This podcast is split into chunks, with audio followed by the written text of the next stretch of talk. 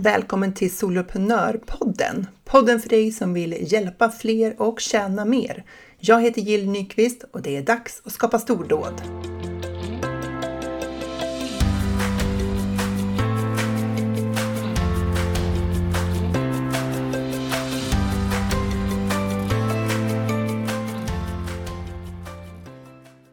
Vet du, jag tror inte att jag har tackat dig nog. Så jag vill verkligen passa på nu direkt och säga ett stort tack för att just du lyssnar på Soloprenörpodden. För på riktigt, jag vet att det finns jättemånga andra alternativ och säkert lyssnar du också på fler poddar som du verkligen tycker om.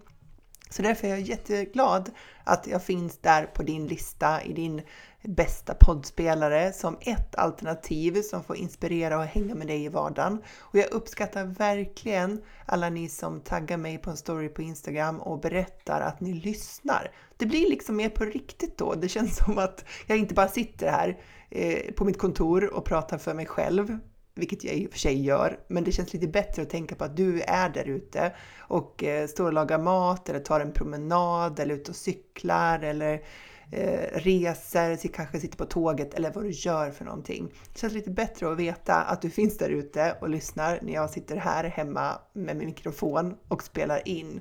Så tusen tack för att du lyssnar och tusen tack för att du ibland tar dig tid att dela med dig av vad du lyssnar och vad du tycker Eh, på till exempel Instagram. De senaste två åren har jag utbildat en hel del i digital marknadsföring, webbkurser och medlemstjänster. Och jag har dessutom föreläst om hur man kommer igång med podcasting och jag har utbildat kring hur man säljer med webbinar och e-postmarknadsföring.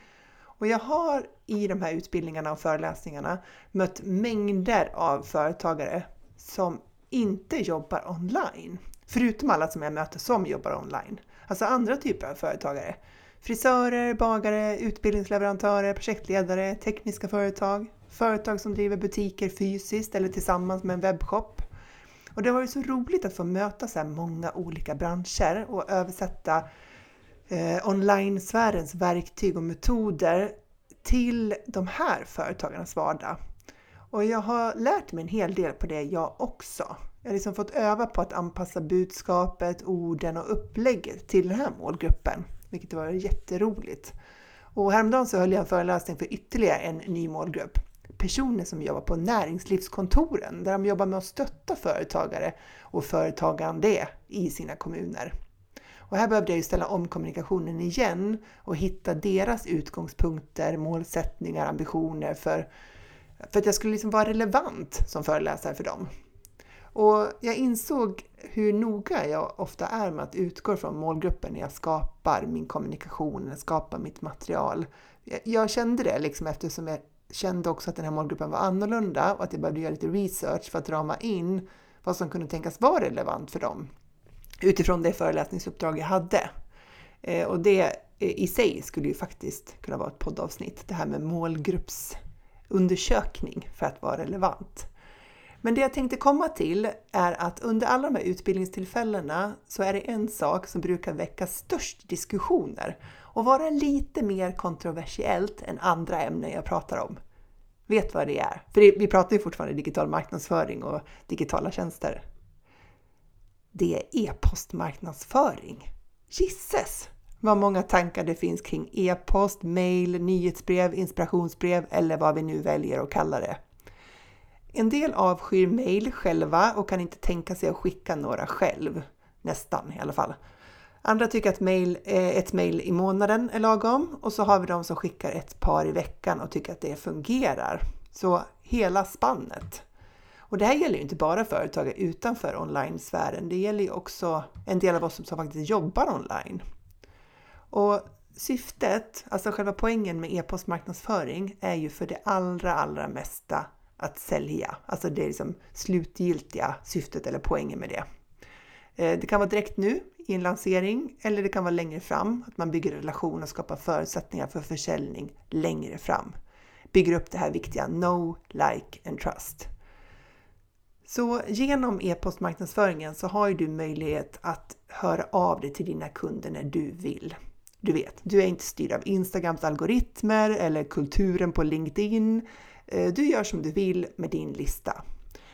Och din e-postlista är en strategiskt viktig resurs i ditt företag. Människor har ju kommit in på din lista för att de har laddat ner någonting som du har erbjudit gratis, som en digital giveaway.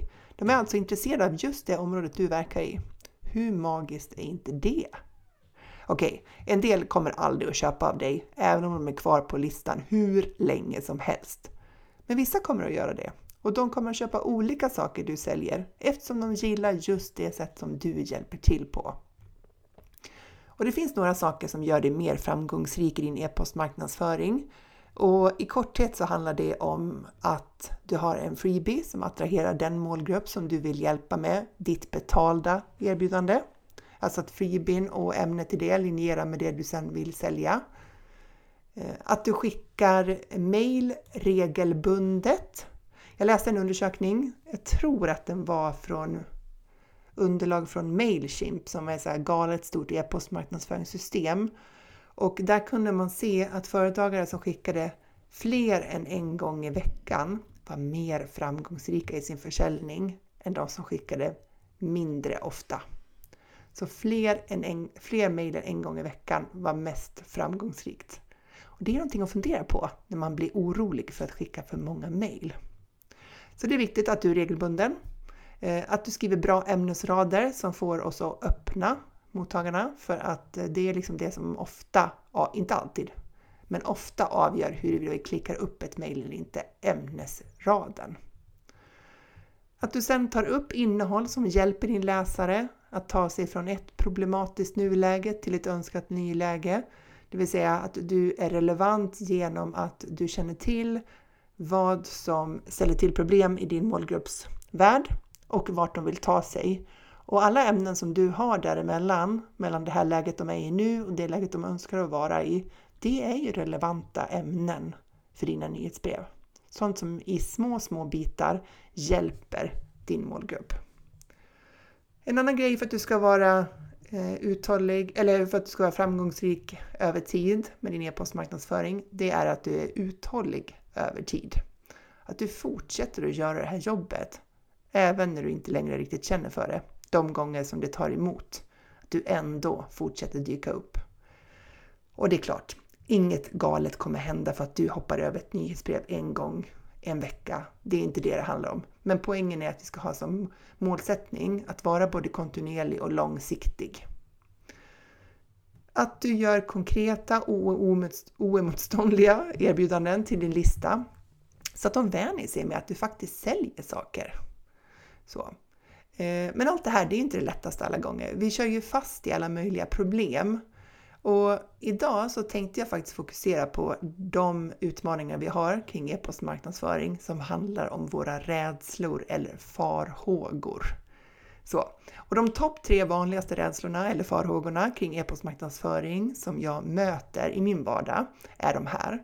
Och då får du kolla då ifall de, om du känner igen dig i någon av dem. Om du har någon av de här farhågorna eh, eller om du helt enkelt går fri från dem, vilket ju vore skönt. Eh, nummer ett. Jag vill inte uppfattas som spammig och jag vill inte göra folk irriterade. Det är en vanlig rädsla jag möter. Man vill absolut inte uppfattas som spammig och man är orolig för att folk ska bli förbannade på att man skickar mail. Så. Nummer två. Jag är rädd för att folk ska avprenumerera. Det får jag höra väldigt ofta. Folk kommer att avprenumerera. Och nummer tre. Jag har ingenting att skriva om som är intressant för andra, särskilt inte om man ska skicka sådär ofta. Så inte uppfattas som spammig och göra folk irriterade, eh, rädsla för avprenumerationer och sen att man inte tycker att man har någonting att komma med som kan vara intressant för andra. Och de här rädslorna håller oss ju tillbaka. Antingen från att skicka överhuvudtaget eller så kan de få oss att skicka väldigt sällan. Så jag tänker att vi kan väl ta upp de här en och en. Vi börjar med ettan då det här med spammig och göra folk irriterade. Och jag fattar ju den, för vem vill vara spammig? Det här kommer sig ofta från en egen upplevelse av att ha fått mail från företag som man inte gillar eller inte vill ha. Och att man då har blivit lite så irriterad över att det här är för mycket eller de är inte bra eller är pushiga eller vad det nu kan vara för någonting. Så vad har vi gjort då? då? När vi, vad gör vi när vi tycker att folk skickar för ofta eller om ämnet inte är relevant eller man tycker att man har fel tonläge, så här, man irriterar sig på dem? Vi trycker ju på avprenumerera. Problemet löst. Så, färdig. Säkert har du fått mail från några på din lista som vid något tillfälle tycker att du skickar för ofta. Och de kan till och med komma med goda råd om hur ofta du bör skicka för att det ska kännas bra för dem som någon slags allmänna rekommendationer. Men de här råden utgår såklart från deras subjektiva upplevelse och önskan. Och den är ju absolut sann för dem. Men det är kanske inte riktigt det som du ska styra ditt företag utifrån. Och här träffar ju den där rädslan för att vara liksom, irriterande oss med full kraft. Att eh, vi är oroliga för att eh, vi har irrelevant information som folk inte vill ha och att de då blir irriterade på oss. Det där är en av alla de obehag som vi som företagare behöver hantera. Rädslan för att gå mot strömmen, bli avvisade, få kritik. Ja, alltså jag älskar inte det heller. Visst är det väl så mycket trevligare när folk hör av sig med uppmuntran och beröm? Och visst vore det toppen om alla kunde älska det vi gjorde. Vilket vi ju tycker att de borde, eller hur? Eftersom vi både vill väl och gör bra saker. Men ingen är ju för alla och det är ju lätt att förstå rent teoretiskt. Men en svårare tanke att vänja sig vid i praktiken. När de där irriterade personerna hör av sig kan det ändå kännas. Och då är det lätt att darra på sänd-knappen nästa gång vi ska skicka ett mejl. Att vi reagerar så är inget konstigt alls. Vi är ju trots allt utrustade med en social hjärna. Alltså vår hjärna tar sociala relationer på stort allvar eftersom den är den är väldigt upptagen med att hålla oss vid liv. Förr när vi bodde på savannen, då var det liksom galet viktigt att vi fick tillhöra flocken. Och därför så är vi väldigt känsliga för de här signalerna som handlar om att vi står utanför eller riskerar att bli utstötta. Så här behöver våran, eh, vi behöver liksom hjälpa vår ängsliga hjärna med några medvetna lugnande tankar. För om vi vill växa våra företag online så behöver vi ju kunna hantera mer än tre missnöjda e-postprenumeranter utan att känna att jorden har gått under. Om vi verkligen vill hjälpa dem vi tänker att vi kan hjälpa så måste vi lära oss att se förbi det där och inte fastna på dem som faktiskt inte är de där människorna som vi vill hjälpa, som inte är vår, vårt folk. De som hör hemma hos någon annan. Och det är ju helt som det ska vara, det är helt okej. Okay. För om vi inte kan hantera tre missnöjda mejlare, hur ska vi då klara av att sälja till hundratals? Nummer två då. Jag är rädd för att folk avprenumererar. Först jobbar vi ju rätt hårt med att få in folk på våra listor. Det är rätt mycket med det där. Man ska ha rätt freebie, alltså lead magnet eller vad man kallar det för någonting. Man ska marknadsföra den. Man kanske kör webbinar och workshops och alla aktiviteter som vi gör för att bygga vår e-postlista. Det är ett rätt hårt jobb. Ibland trist, eller åtminstone så här repetitivt, upprepande. Lite tjatande kan man känna ibland. Eh, och vi kör på ett tag med fokus på att bygga lista och sen eh, tappar vi det, i alla fall om du är som jag. så tappar man fokus och så glömmer vi liksom att promota våra, de här gratisgrunkorna vi har. Eh, och så kommer vi på det och så är vi på det igen och så börjar vi lägga ut igen om att vi har de här eh, pdf-erna eller guiderna eller videorna eller vad vi nu har för någonting som hjälper till att lösa ett litet problem i vår målgrupps vardag.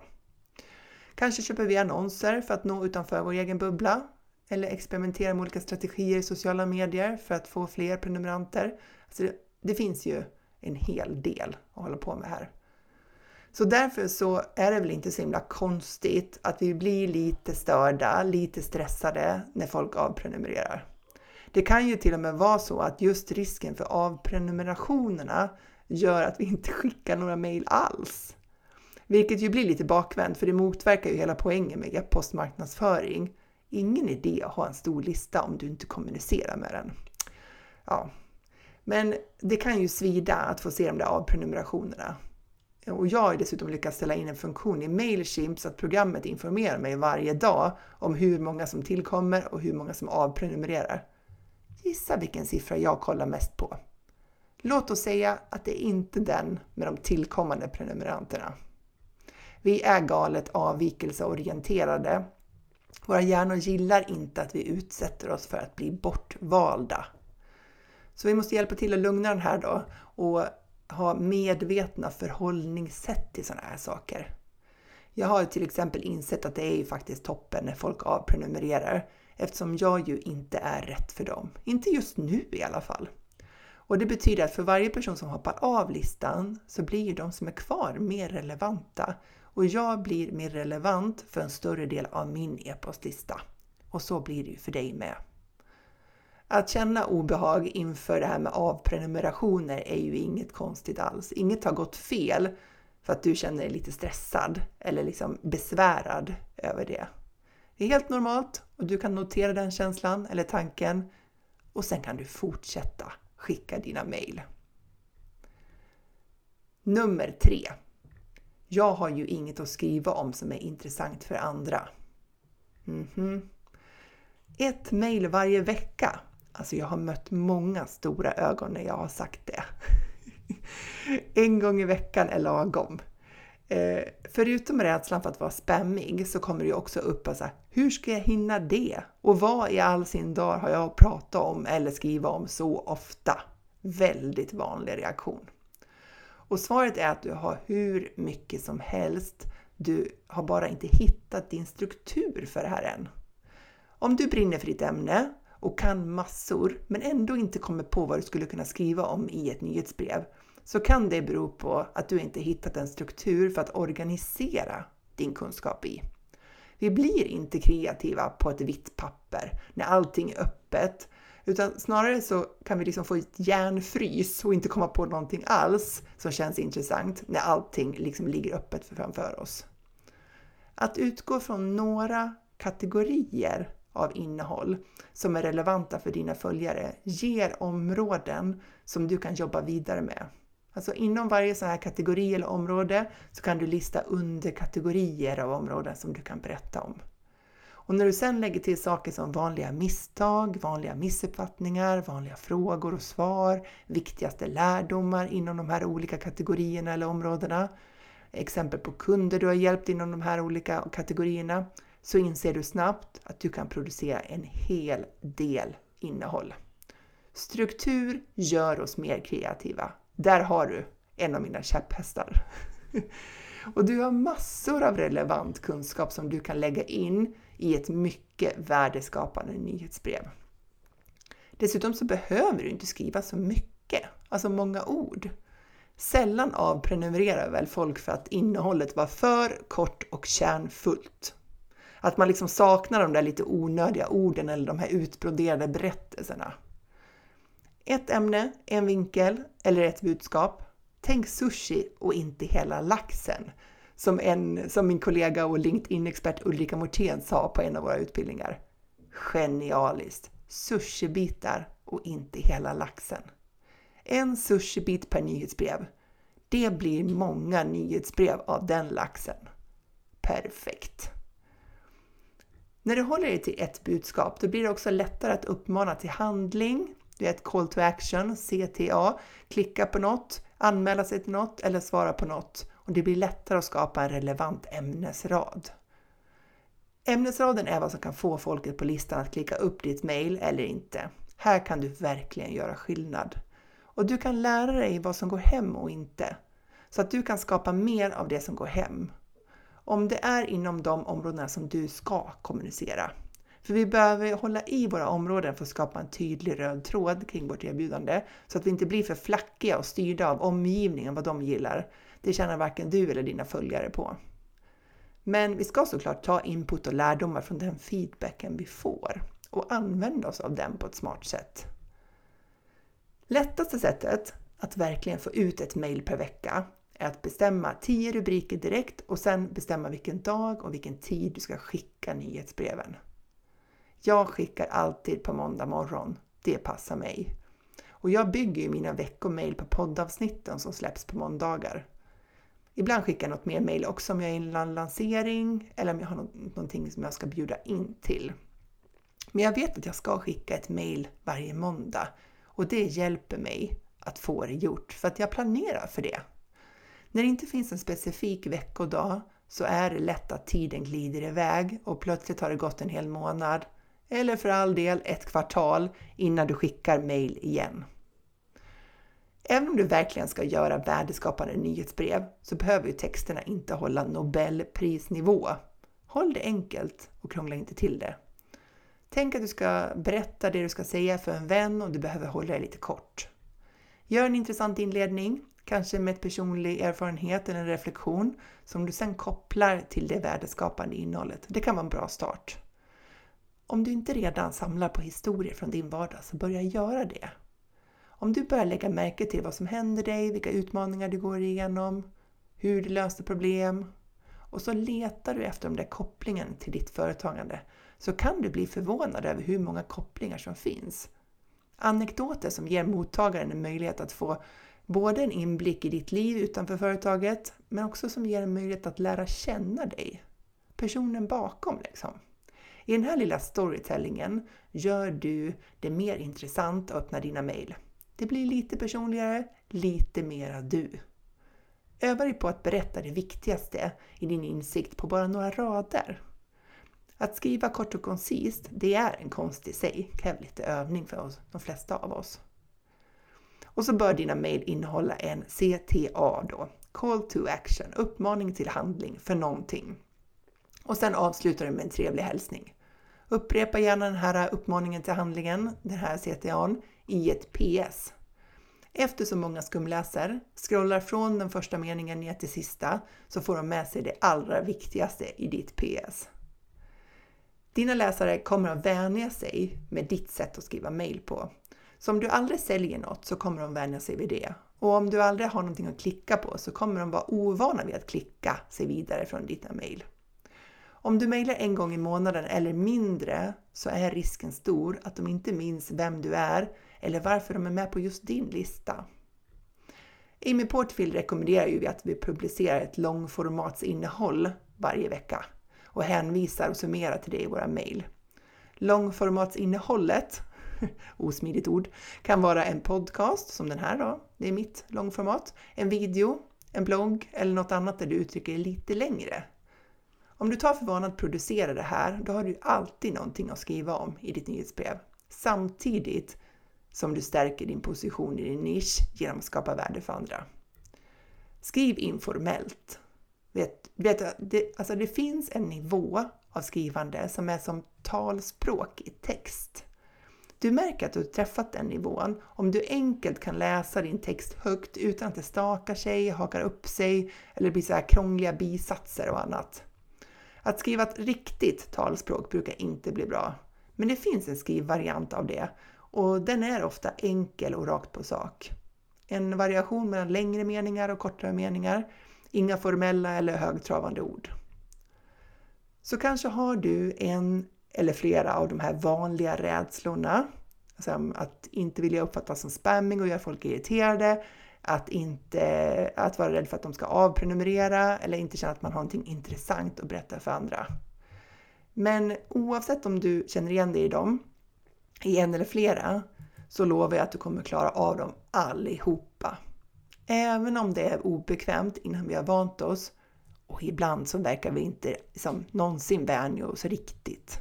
Men vi får liksom gå med på att en del inte gillar det vi gör. Och vi får gå med på att ibland har folk fel om oss. Vi får öva på att fokusera på de som faktiskt väljer oss istället för de som väljer bort oss. Om 10 stycken avprenumererar så betyder det att det är 100 kvar, eller 500, eller kanske flera tusen. Låt oss foka på dem istället, för det är ju för dem vi kan skapa stordåd.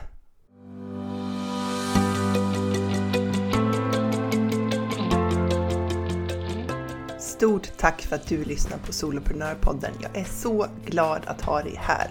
Du får jättegärna lämna mig en review på iTunes och ratea podden. Ge den fem stjärnor om du tycker att den är värd det, så hjälper du mig att sprida den till fler. Eller varför inte ta en skärmdump på det här avsnittet och tagga mig på en story på Instagram, solopreneur.nu.